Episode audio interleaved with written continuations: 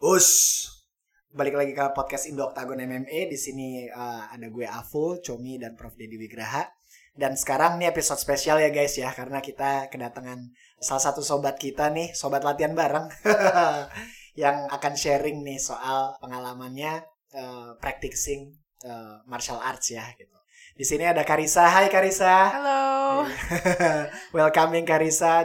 Jadi di sini Karisa kebetulan uh, gabung di dojonya Prof Dedi ya Prof ya. Iya betul. Uh, she's a blue belt uh, BJJ practitioner.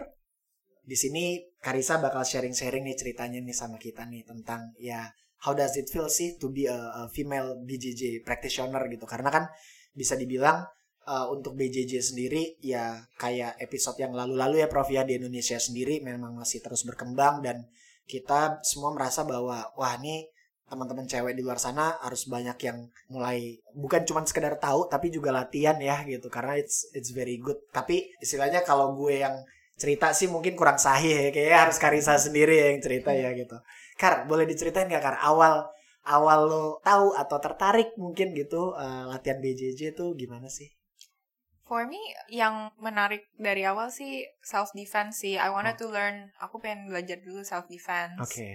Dan buat cewek yang kecil aku kan uh, kurus gitu dulu. Masih sih. Cuman naik kurusnya.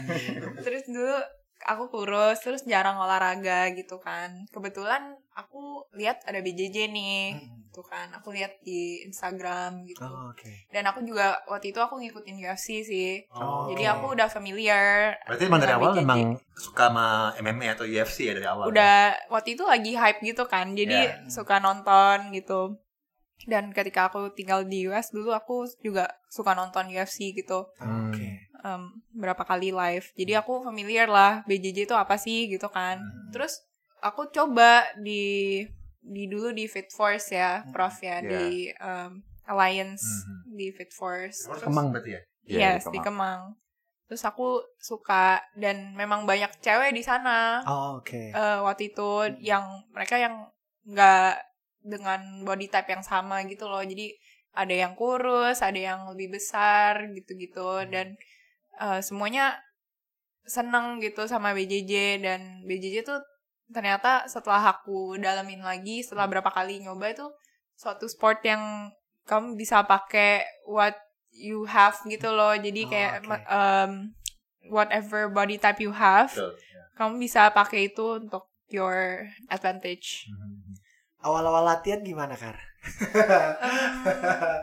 Boleh ceritain gak kar? Tahun berapa itu? Ah, ah. 2019 Agustus ya Prof ya iya. kayaknya.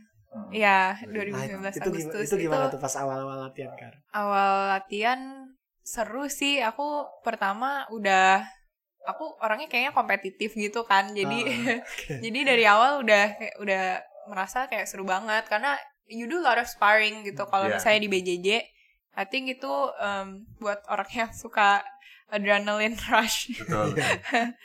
itu bakal enjoy gitu. Hmm.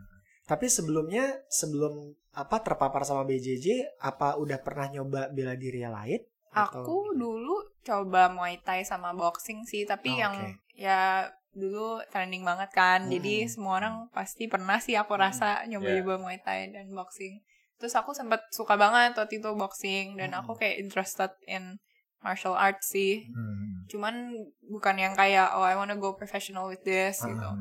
Karena aku juga nggak ada background sport, nggak ada background uh, martial arts dari dulu dan uh, background keluargaku juga mereka yang nggak terlalu suka sports. Oh, kalau di compare sama previous experience lo nih gitu kayak kayak tadi kan lo cerita lo udah sempat nyobain Muay Thai terus boxing gitu. Terus sekarang kan istilahnya menjelajahi ranah baru nih kan gitu lo main banyak iya. main uh, apa ground ya gitu iya, iya. Uh, grappling gitu kan submission challenge-nya biasanya apa aja sih yang dirasain kalau buat lo pribadi sendiri nih selama lo latihan hmm, for grappling hmm. I think it's ini beda banget sama striking gitu kan kalau striking kan hmm. there's only cuman ada beberapa teknik yang dipelajarin hmm. gitu how to do this, how to do that, how to hmm. throw a jab, how to throw a strike.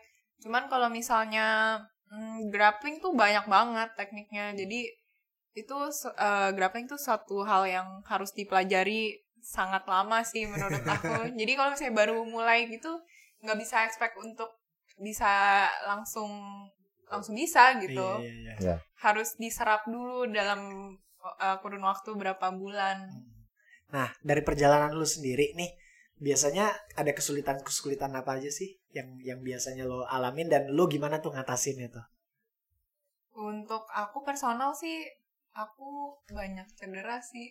Oh gitu, boleh cerita nggak? Itu Um, biasanya kenapa aja tuh cederanya?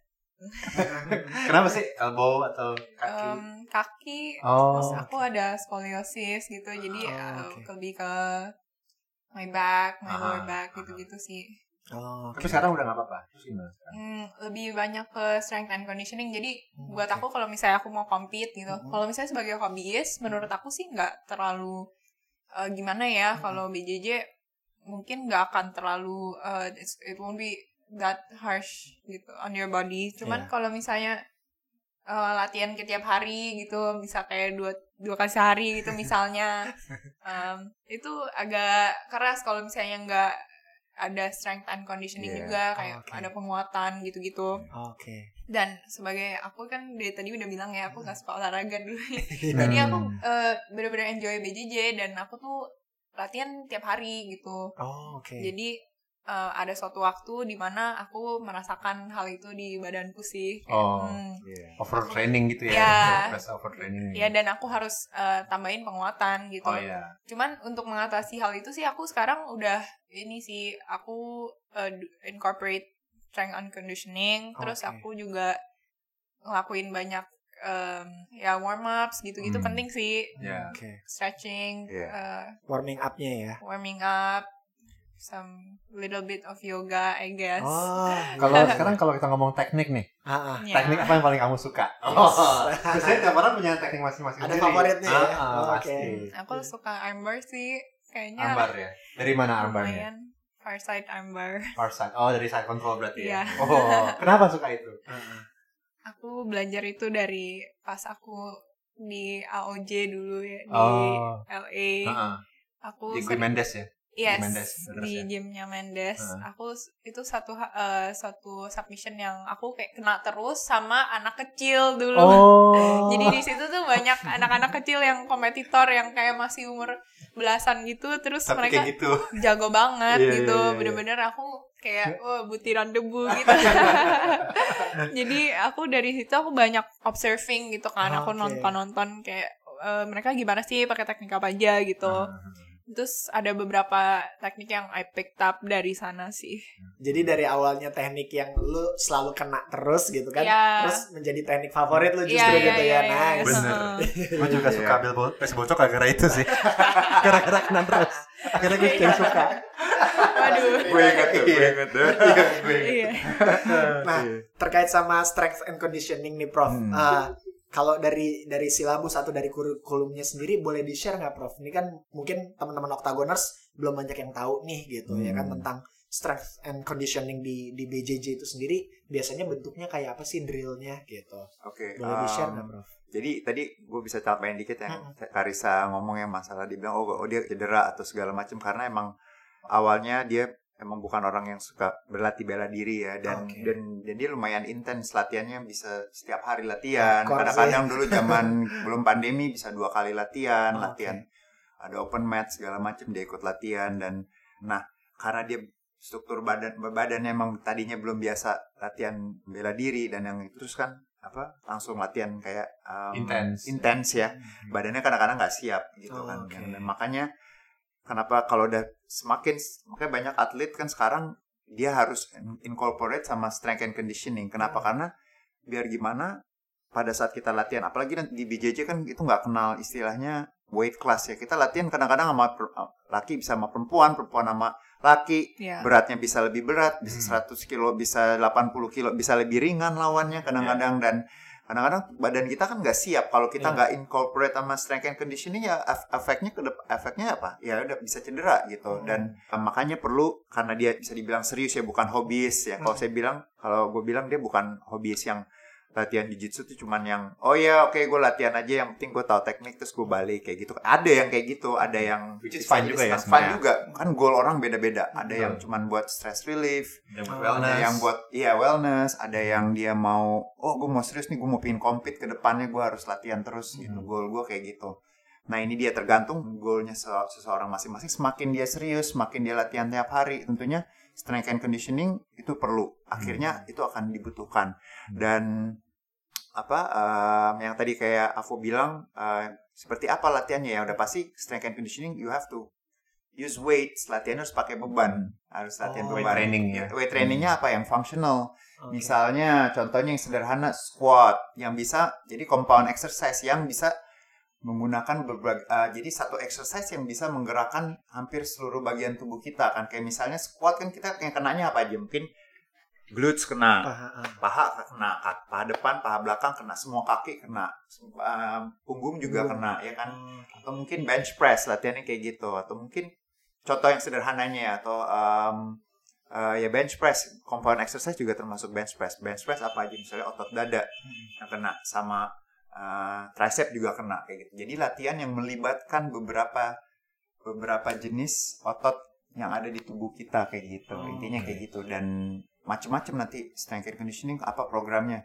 Bisa ada crossfit lah sekarang ada yang mungkin orang sekarang latihannya cuman fokusnya kayak clean and jerk kayak latihannya uh, weight weightlifter sekarang. Clean clean and jerk yang gerakan naik satu kayak gitu. Terus macam-macam ada deadlift kayak Ya. gitu-gitu. Oh. jadi ya itu dicombine sama latihannya dikombinasikan dengan beberapa jenis gerakan untuk yang sesuai dengan Brazilian Jiu-Jitsu core training misalnya itu juga penting Oh, core maksudnya core. bagian perut iya iya. iya. ya biar buat keseimbangan lah buat menjaga biar otot di pinggang nggak cedera dan sebagainya Dan pastinya juga Karisa pun juga pasti langsung merasakan manfaatnya deh ya dari weight training itu ya. Iya, aku sih sekarang em, kalau misalnya ngomongin challenge itu aku udah nggak terlalu struggle sama itu sih. Oh, berarti emang Iya. ngaruh ya. Dan, Dan bagus. ya. meskipun itu aku nggak terlalu pakai banyak weight sebenarnya, Hmm. cuman itu bantu banget kayak Bantu. cuman kayak squat gitu-gitu. Iya.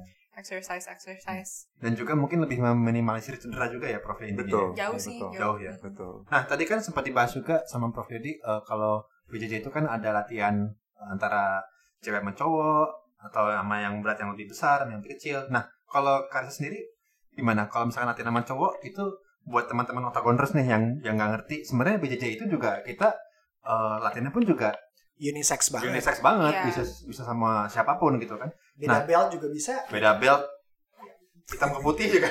Iya. Belajar juga apa-apa. iya Dan eh, tapi kalau Karisa sendiri gimana? Nyaman nggak kalau misalkan lagi rolling sama cowok atau latihan sama cowok atau mungkin cuma drilling teknik sama cowok itu buat kita lebih merilekskan pemikiran orang-orang yang latihan khususnya perempuan-perempuan ya yang mau nyoba BJJ gimana perasaannya?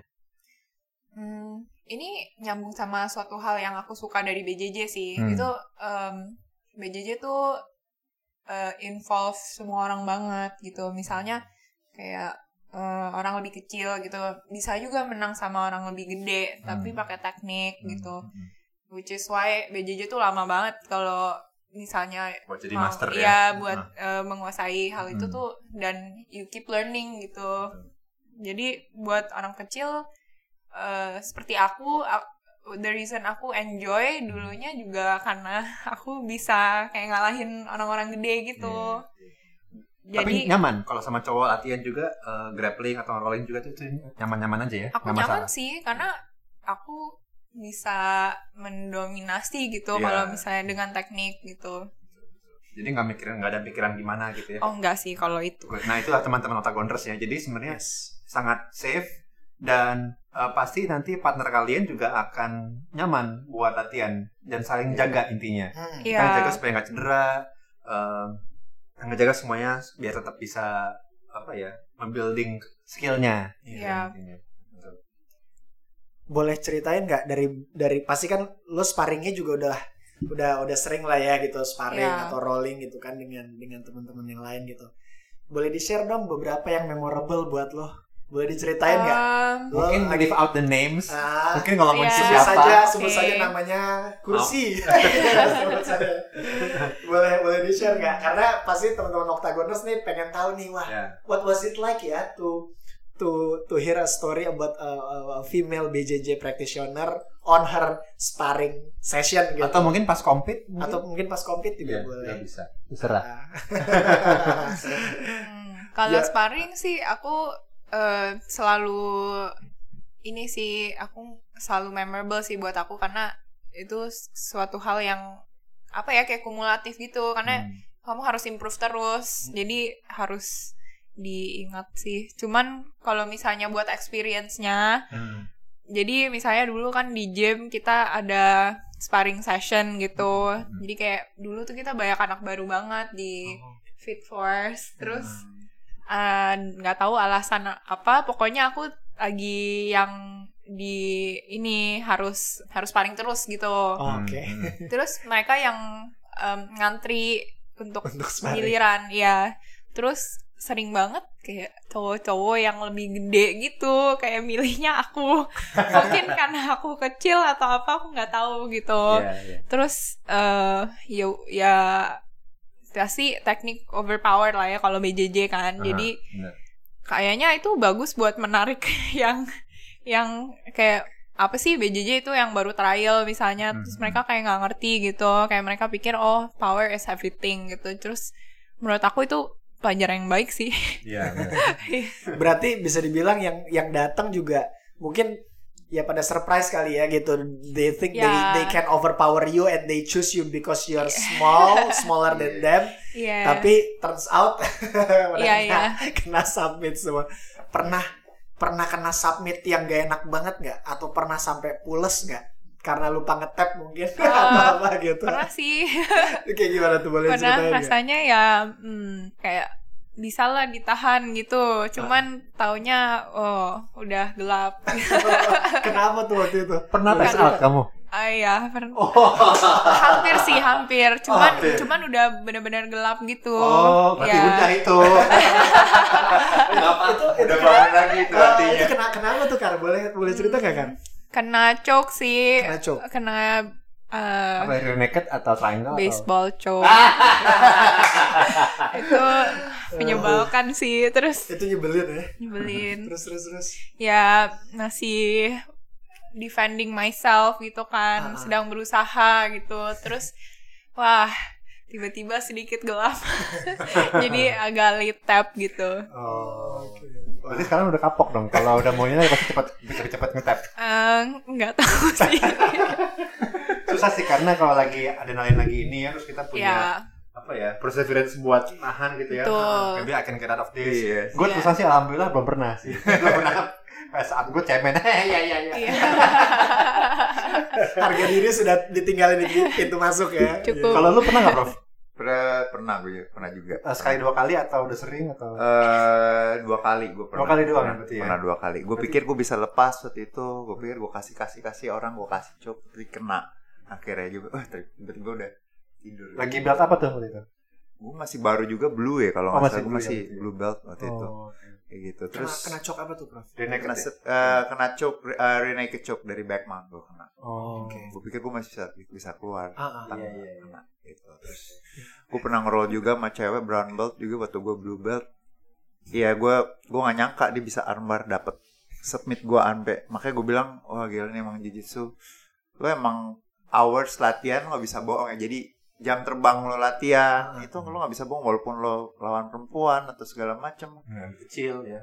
Makanya ya efektif aja gitu udah pasti karena lo nggak ya lo kalau lo kena submit ya lo submit aja lo harus tap ya lo harus tap gitu dan Bener.